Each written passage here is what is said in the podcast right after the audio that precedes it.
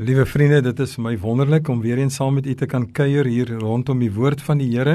En ek vertrou dat hierdie tydjie wat ons saam sal spandeer, dat dit vir elkeen van ons tot seën en tot bemoediging sal wees. Kom ons sluit die oë dan bid ons saam. Hemelse Vader, ons sê vir U so baie baie dankie omdat U wonderlik is en omdat U goed is. Ons sê vir U so baie dankie vir hierdie wonderlike medium waardeur ons by mekaar as mense, as kinders van die Here betrokke kan wees en rondom u woord kan stil raak en tog voel dat ons is bymekaar verbind deur Jesus Christus self die hoof van u kerk. Baie dankie vir die geleentheid en Here, dankie dat ek kan bid en vra dat u ook dan hierdie woord wat ons mekaar sal deel en sal oordink dat dit vir iemand sal aanspoor, Here, tot 'n meer intiemer verhouding met u om u meer te vertrou selfs en om net 'n besluit te neem ek gaan die Here dien met my hele hart. Dit is ons gebed, Hemelse Vader dat U U woord sal gebruik om tot ons te spreek dat dit nie net sal mooi klink op die oor nie maar Here dat dit ons harte sal aanraak in die naam van Jesus kom Seën ons dan asseblief en word net verheerlik in elkeen van ons se lewens. Dankie dat ons nou al ook reeds kan vra Here dat as daar iemand nou ingeskakel is wat Here deur 'n krisis gaan, wat wat 'n las dra, wat voel dit wil nie verlig nie en daar kom nie uitkoms nie. Ek wil bid Here dat ook so iemand sommer net vandag sal toelaat dat die gees van die Here met hom of haar sal praat, Here, en dalk gaan dit nie eens praat oor die probleem nie, maar dat ons sal hoor hoor wat wil die gees van die Here vir ons sê ook in 'n tyd soos hierdie? Maar dankie dat u elkeen kom versterk en kom bemoedig en dat u ons ook reinig terwyl ons met u woord omgaan. Seën dan nou vir ons as ons dit bid in Jesus se wonderlike naam. Amen. Amen. Nou liewe vriende ek wil eintlik sommer kyk om so vir die volgende drie geleenthede uh, met vandag dan dan ook ingesluit om met u bietjie te praat oor die vervulling met die Heilige Gees. Ons praat baie daaroor en ek wil eintlik dit net wakker maak weer by ons dat ons daaroor bietjie kan praat. So ek lees vir u Efesiërs hoofstuk 5 Efesiërs 5 lees ek vanaf vers 1 tot 6 en dan 14 tot 21. Efesiërs 5 dan, ek begin by vers 1. Wees dan navolgers van God soos geliefde kinders en wandel in liefde soos Christus ons ook liefgehad het en hom vir ons oorgegee het as 'n gawe en offer aan God tot 'n lieflike geur. Maar hoerery en allerlei onreinheid of hebsug moet onder julle selfs nie genoem word nie, soos dit die heiliges betaam. Ook nie gemeenheid en dwaase of lawwe praatjies wat nie pas nie, maar liewer danksegging want dit moet julle weet dat geen oreerder of onreine of gierigaard wat 'n afgodedienaar is 'n erfdeel het in die koninkryk van Christus en van God nie. Laat niemand julle met ydel woorde verlei nie want daardeur kom die toorn van God oor die kinders van die ongehoorsaamheid dan vanaf vers 14 daarom sê hy ontwaak jy wat slaap en staan op uit die dode en Christus sal oor jou skyn. Pas dan op dat jy nou gesed wandel nie as onwyse nie, maar as wyse en koop die tyd uit omdat die dae boos is. Daarom moet jy nie onverstandig wees nie, maar verstaan wat die wil van die Here is. Moenie dronk word van wyn nie, daarin is losbandigheid, maar word met die Gees vervul spreek onder mekaar met psalms en lofsange en geestelike liedere en sing en psalms sing in julle hart tot eer van die Here terwyl julle God die Vader altyd vir alles dank in die naam van ons Here Jesus Christus en aan mekaar onderdanig is in die vrees van God. Net tot sover dan die geleesde deel. Nou liewe vriende, ons praat baie keer oor die gedagte van geesvervulling en en daar's baie verskillende maniere hoe dat 'n mens daarna kan kyk en ek wil nie vandag met u praat asof ek die antwoorde almal het nie, maar soos ek aan die begin genoem het, my hele gedagte is om net by u dit weer wakker te maak. Die vraag wat ek dalk wil hê ons moet oordink is doeteenvoudig dit: Ken u iemand wat werklik geesvervuld is? Ken u iemand wat werklik geesvervuld is? Ek vra nie ken jy iemand wat vir u sê dat hy of sy gees vervuld is nie, maar na wie se lewe jy kan kyk en kan sien dat daardie persoon vol van die Heilige Gees is. Dit is sommer net so 'n vraag om in die agterkop te hou. Maar as ons kyk na hierdie gedeelte hier van Efesiërs, dan is dit so duidelik dat Paulus hier 'n opdrag gee. Moenie dronk word van wyn nie. Daarin is losbandigheid en dis die opdrag, maar word met die Gees vervul. En dit, liewe vriende, glo ek met my hele hart en ek kyk na my eie lewe en dan wil ek vandag sê, dit is een van ons grootste tekortkominge vandag en dit is dat daar te min kinders van die Here is wie werklik gees vervuld is. U sien, daar is nie 'n gebrek aan kinders van die Here nie. Daar is baie kinders van die Here. Ons kerke sit vol kinders van die Here. Ons kansels is vol kinders van die Here wat woord bedien en wat wat sang bedien en wat verskillende bedieninge het.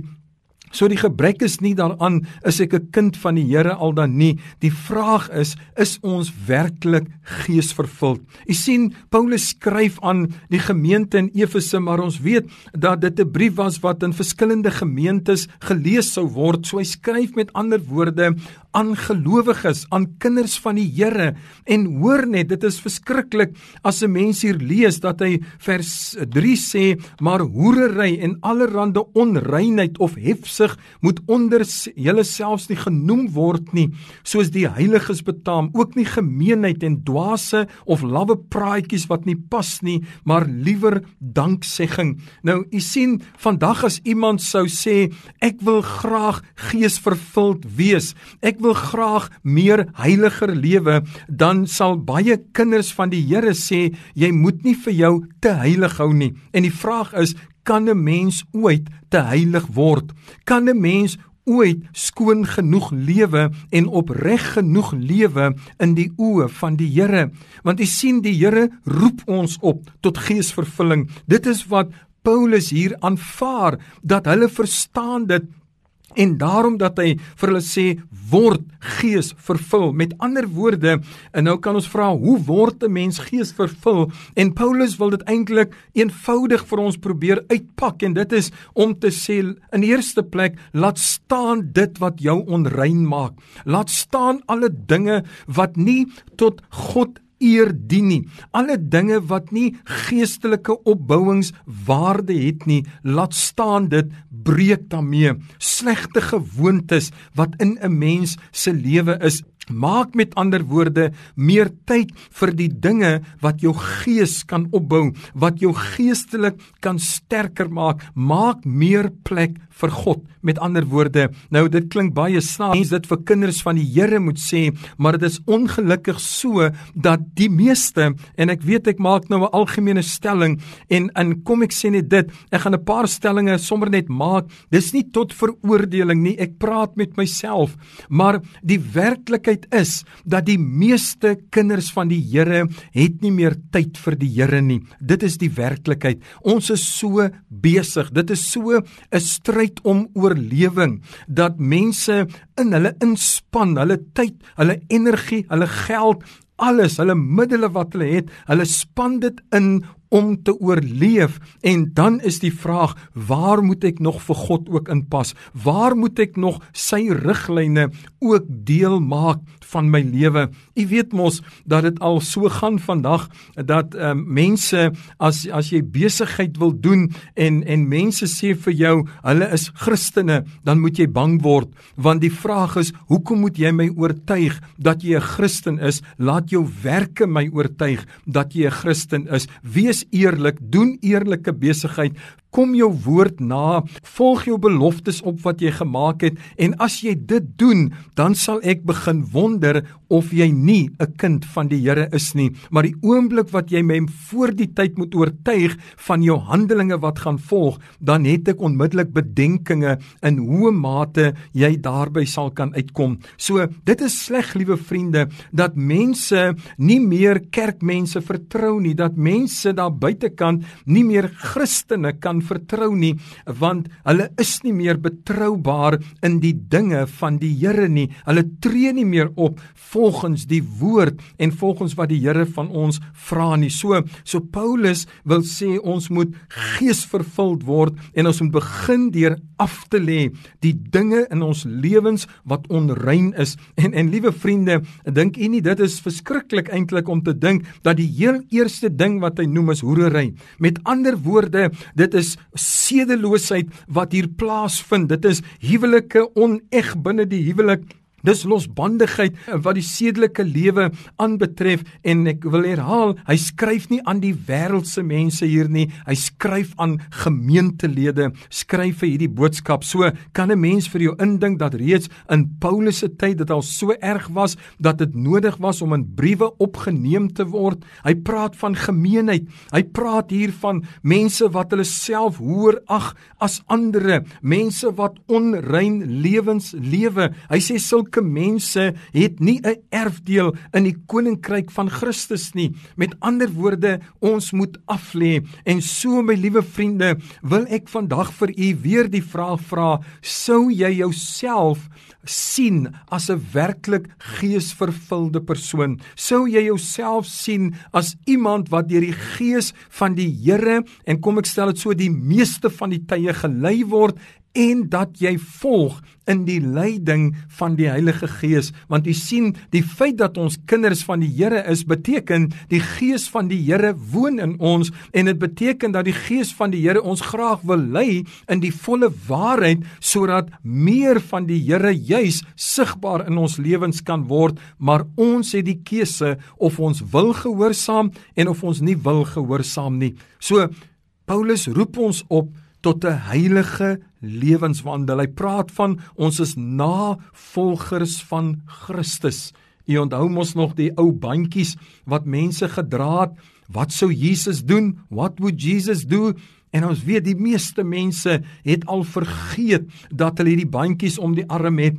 Ek het nou die dag so 'n mooi storieetjie oor die radio gehoor. Die persoon het vertel van hierdie vrou wat wat op pad was en toe het die bestuurder voor haar iets aangevang wat sy nie van gehou het nie en sy het beduie en sy het in haar motor het sy baie ontstig gelyk en geklink en sy het gepraat en sy het net nie opgehou totdat die die robot weer groen geslaan het en hulle kon ry nie en die volgende oomblik toe trek die polisie agter haar op en uh, beveel haar om af te trek en hulle hulle uh, boei haar onmiddellik sit haar in die kar en vat haar polisiestasie toe en hulle het haar opgesluit en um, na tyd toe laat hulle haar weer uitkom en toe sê hulle o mevrou jy's jy's reg jy kan maar gaan. Sy sê en waaroor het dit nou alles gegaan? En die polisiebeampte sê vir haar man ek het al hierdie geestelike um, stickers soos hulle sê op jou motor gesien en um, en toe ek sien hoe jy reageer teenoor die bestuurder voor jou en was ek onder die indruk dis 'n gesteelde motor maar ons het alles nagegaan ons sien die motor is joune, dis geregistreer in jou naam. Jy sien liewe vriende, dis die werklikheid vandag dat ons kan by die kerk kan ons Christene wees, maar die oomblik wanneer ons daar uitstap, wanneer ons daar buite in die wêreld die voorbeeld moet stel, die lig moet wees, dan kan ons moontlik 'n ander lig aansteek. Ons kan dan moontlik in ons eie lig wandel en nie in die lig van die woord nie. So Paulus beveel aan dat daar 'n heilige lewenswandel behoort te wees, dat ons navolgers van Christus behoort te wees. 'n Volgende aspek van geesvervulling wat ontbreek, is die hele gedagte van die gawes van die Heilige Gees. U sien, dit is vir my altyd treffend hoe dat mense praat oor die gawes van die Heilige Gees, maar hulle praat net oor een gawe. Hulle begin en eindig by tale spreek. Nou Tale spreek is 'n gawe, daar's geen twyfel daaroor nie, maar dis wel so dat die Bybel dit self noem dat dit een van die eenvoudigste gawes is, dood eenvoudig omdat dit net meeste van die tyd net die individu versterk en niemand anders rondom hom of of haar nie. En wanneer ons begin praat oor die gawes van die Gees, begin ons daar en ons eindig daar en ons beklei met mekaar en elke persoon afhangende van jou agtergrond het sy eie mening en wil bedrog uitspreek en al hierdie tipe van dinge terwyl dit so onbelangrik is want ons is veronderstel om mekaar te dien met ons gawes en die meeste kinders van die Here nou maak ek weer 'n algemene stelling, die meeste kinders van die Here weet nie wat hulle gawes is nie of hulle weier om dit te doen en uit te leef binne in die gemeente. En weet jy hoekom? Omdat ons nie wil dienaars van mekaar wees nie. Jy sien ek wil nie soos die mense dit stel 'n vloerlap wees nie. Ek wil nie iemand wees oor wie anders loop nie. So ek kan nie ander dien met my gawe nie. Jy sien een van die groot probleme vandag is dat elke gawe wil ons koppel aan 'n amp en mense wil wil graag belangrik wees. Mense wil graag op die verhoog staan en al die aandag op hulle hê en as hulle dan hulle gawe kan bedien met al die aandag op hulle, is dit goed, maar moenie van my verwag om dit hier agterlangs te doen nie.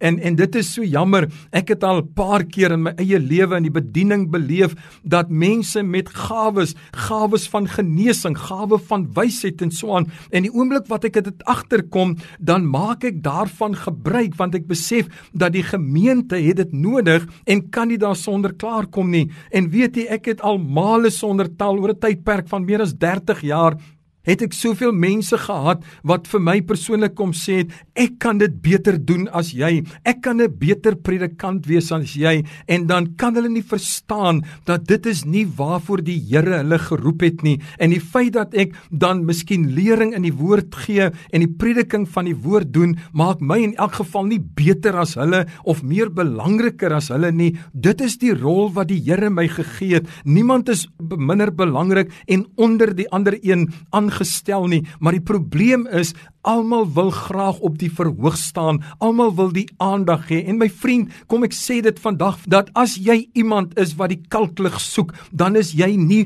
geskik vir die werk van die Here nie. Want u sien, hoekom sê ek dit vandag so? Want Jesus is ons voorbeeld en Jesus as die Skepper God wat selfs die mens gemaak het, hy kom en weet jy wat? Hy word die dienaar van mense. Johannes 13 is vir my sulke treffende woorde. Die Bybel sê daar, hy begin, hy sê Jesus het sy disippels liefgehad en hoor nou wat sê daarna. Hy sê en omdat hy geweet het hoeveel hy hulle liefhet. Is dit nie pragtig nie? Jesus het sy disippels liefgehad en omdat hy geweet het hoeveel hy hulle liefgehad het, het hy van die tafel af opgestaan, het sy boekleed uitgetrek, hy het 'n doek om sy lyf gesit, hy het by sy disippels se voete gaan kniel en hy het hulle almal se voete gewas. As ons sê dat ons kinders van die Here is, dan is ons Jesus se volgelinge en as ons Jesus se volgelinge is, dan is ons nooit niks meer as diensknegte en diensmaagde van die Here nie. Maak nie saak of jy jouself die amp aanneem van 'n leraar of 'n apostel of 'n herder of wie dit wil wil ook al genoem word nie. Jy is 'n dienskneg in die koninkryk van die Here. Jy's gered uit genade en ons is almal mekaar se dienaars. So Daar moet nooit die gedagte wees van ek is belangriker as die volgende een nie. Ek moet net my deel doen want elkeen as hy sy deel doen, is hy ewe belangrik. Ons kan nie sonder die gawes klaarkom nie. En dit is vir my so hartseer dat die kerk oor die jare so arm geword het. Daarom dat ons baie keer praat van dis 'n eenmanskerk, dis die dominee, dis die pastoor, dis sy woord wat wet is, wat hy sê, wat hy beplan, dit word alles daarvolgens uitgevoer. Dit is nie wat die Here de bedoel het dat dit moet wees nie. Hy wil graag hê dat elkeen van ons ons rol sal vervul. Weet jy toe ek begin het As 'n predikant daar in Eerste Rivier nog destyds Blue Downs net begin het ehm um, het ek sommer net daar op die strate begin rondloop en met mense oor die Here praat en die Here was so genadig dat mense tot bekering gekom. Ons het 'n gemeentetjie, kan ek nou maar sê, begin daar en ons het daar in iemand se agterjaard het ons begin kerk. O, dit was die eerste man, 'n ou oomie wat ek hier voorheen gehad het om na die Here toe te lei.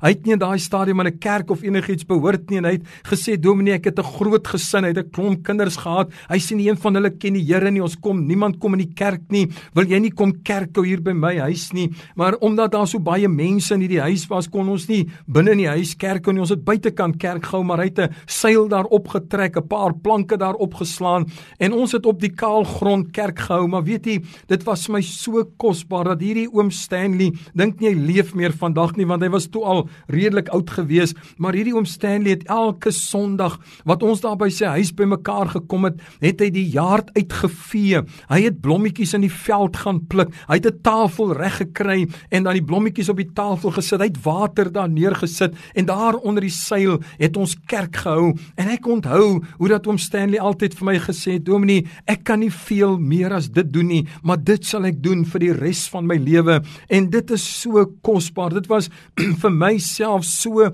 wonderlike les gewees dat sonder oom Stanley sou ons nie kon kerk hou op 'n Sondag nie, maar hy het die geleentheid geskep en so kon ons verder groei. So liewe vriende, Die Here roep vir my en vir u op om met watter gawe die Here ook al vir ons gee om ander daarmee te bedien, nie om jouself belangrik te maak nie, nie om elke keer 'n klopjie op die skouer te kry en almal wat vir jou sê, "Hoe gaan ons sonder jou klaar kom nie?" Nee, om te besef, dis God se genade dat hy my uitverkies het om aan my 'n spesifieke gawe te gee sodat ek diensbaar kan wees vir kinders van die Here. So vriende, As ons praat oor geesvervulling, dan is die vraag, hoe kyk die wêreld na ons? Wat is die beeld wat ons as die kerk van die Here Jesus na buite toe uitdra. Een van die grootste verleentheidsvrae wat na my toe kom, as ek dit so kan noem. Ek voel verskriklik verleë daaroor wanneer iemand vir my vra aan watter kerk behoort jy?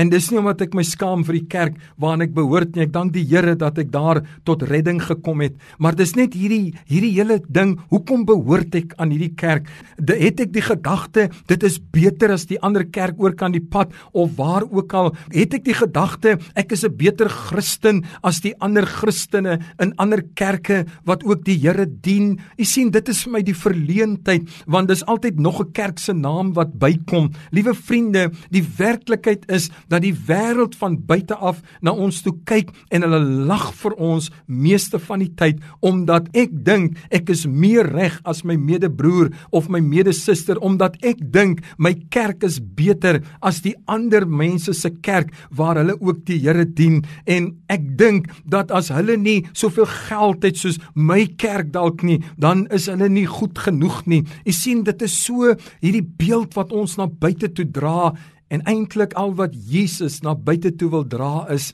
sy verlossingsboodskap. Sy verlossingsboodskap wat kom uit die monde van mense wat dankbaar is vir wat die Here vir hulle gedoen het, vir waar die Here hulle uitgehaal het en opgelig het en opgetel het. Jy weet die dag toe die Here vir my roep vir die bediening en ek bewus word daarvan, was ek verstom geweest. Ek was die laaste een wat ek kon dink die Here sou wou roep om in sy bediening te staan, maar hy het my geroep en hy het vir my skrif gegee gee om dit te bevestig en dis alwaarop ek staan. Ek staan nie vandag op my teologie nie. Ek staan nie vandag op my kennis van die woord nie want ek moet elke dag nog leer, maar ek staan hier omdat ek weet God in sy genade aan my gedink het toe ek op my mees verlorenheid was, het die Here by my verbygekom en hy het vir my gesê ek sal jou aanneem. Ek sal jou my kind maak as jy bereid is om jou sonde van af te sien en jou sonde te bely en jou verloor verlore toestand te erken,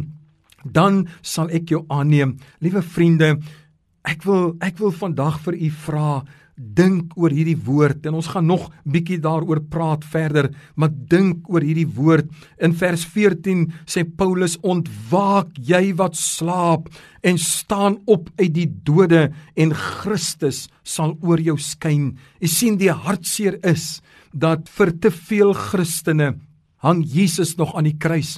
Vir te veel Christene is Jesus eintlik nog dood en daarom dat hulle in hulle geloofslewe en in hulle godsdienstlewe eintlik maar net so dood is. Mense wat 'n kerk onderhou, mense wat 'n kerk verdedig, mense wat dogmas verdedig in steede daarvan dat hulle die evangelie van Jesus Christus, die opgestane heiland, terwyl hulle eintlik moet besig wees om hom te verkondig is hulle besig om 'n Jesus aan 'n kruis te verkondig wat hang, wat dood is. Broers en susters, die kerk van die Here is veronderstel om lewe te hê omdat Christus sy lewe is. Die kerk van die Here is veronderstel om te bestaan uit mense wat soek na die wil van God, wat vra na meer van die Here elke dag in hulle lewens. Ons het so wêreldsgesind geraak, liewe vriende, en, en weer eens ek sê nie dinge ter veroordeling nie. Ek wil hê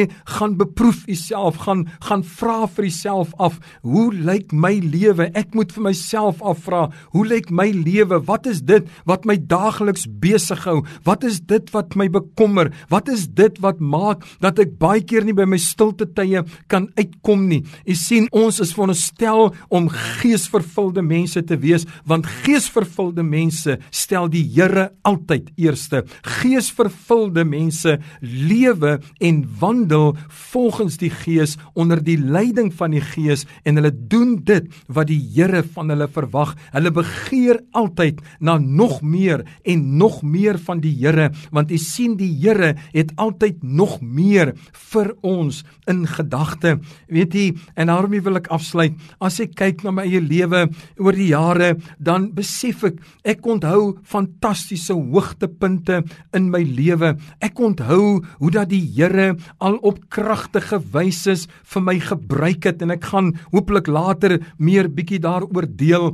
En weet u, die wonderlikheid is as ek oor die jare terugkyk, daardie tye wat die Here my die kragtigste gebruik het, was die tye wat ek die naaste aan die Here geleef het. En die die uitdaging vir my en vir u is is om altyd naby aan die Here te leef, is om altyd die aangesig van die Here te soek, om altyd bidend te wees en nog meer te bid. En dit gaan nie oor weet mense daarvan nie maar dit is tussen jou en die Here. As Paulus hierdie brief skryf en dit word gelees aan gemeentes dan is dit nie dat hulle daardie vinger wys na spesifieke mense nie dis sodat mense kan huis toe gaan en hulle eie lewens gaan beoordeel en vir hulself kan afvra is ek werklik geesvervuld? En dit is die vraag wat ek wil hê u moet oordink.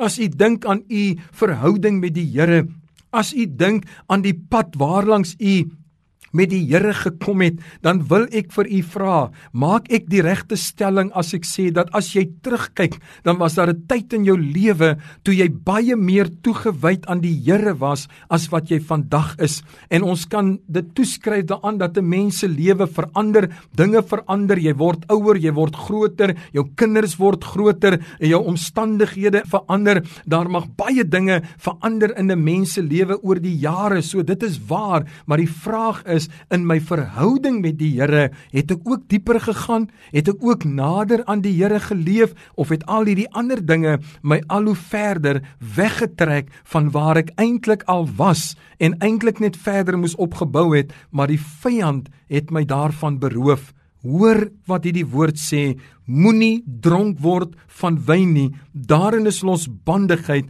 maar word met die gees vervul. Hoekom sou Paulus hierdie twee vergelykings tref? Want hy weet dat iemand wat onder die invloed van drank is, nie verantwoordelik gehou kan word vir wat hy doen en wat hy sê nie, want hy's onder beheer van die drank, van die alkohol. En as iemand onder die die leiding en die salwing en die krag van die Heilige Gees beweeg, dan is hy nie in beheer nie, God is in beheer. Hy stuur jou waar hy wil. Hy gee vir jou 'n woord vir wie hy wil en en hy gebruik jou soos wat hy wil en jy is nie in beheer nie. God is in beheer en wat ons nodig het in hierdie dae is ons het gemeentes nodig wat meer onder beheer van God se gees staan waar die mens nie die een is die element is wat uitstyg bo alles nie maar God se eer die hoofsaak is waaroor dit gaan. Mag die Here vir ons help terwyl ons hieroor nadink en mag ons vra vir meer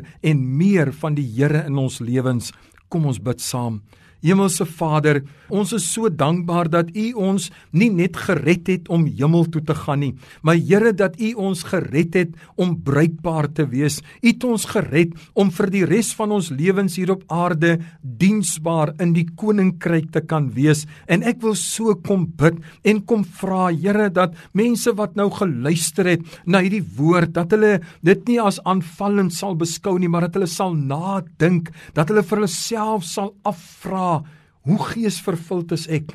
Hoe geesvervuld lewe ek?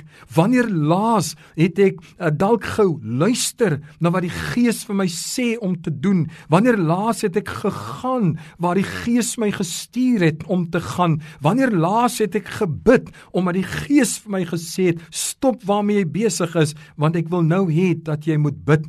Vader, ons kom bely, ons is arm, ons is geestelik arm omdat ons nie geesvervuld is nie, omdat ons nie gedoop is met die krag van die Heilige Gees nie. Here, dit is vir ons ewe maklik om dronk te word van wyn as wat dit is om te lewe in die Gees. Dis vir ons ewe maklik om nou 'n vloekwoord uit te spreek en dan weer net nou te sê haleluja. Dis vir ons ewe maklik om iemand 'n klap te gee en dan die volgende oomblik volgens ons heilige hande op te hef. Here, ons bid in hierdie dag, Heilige Gees van God, dat U oor ons sal kom, dat U oor ons vaardig sal word en dat U die Vader en die Seun deur ons lewens sal verheerlik. In die naam van Jesus bid ek dit en ek vra nou Here dat elkeen wat die begeerte ervaar nou in hulle binneste, Here om geesvervuld te wees, ek bid dat U hulle nader trek en intrek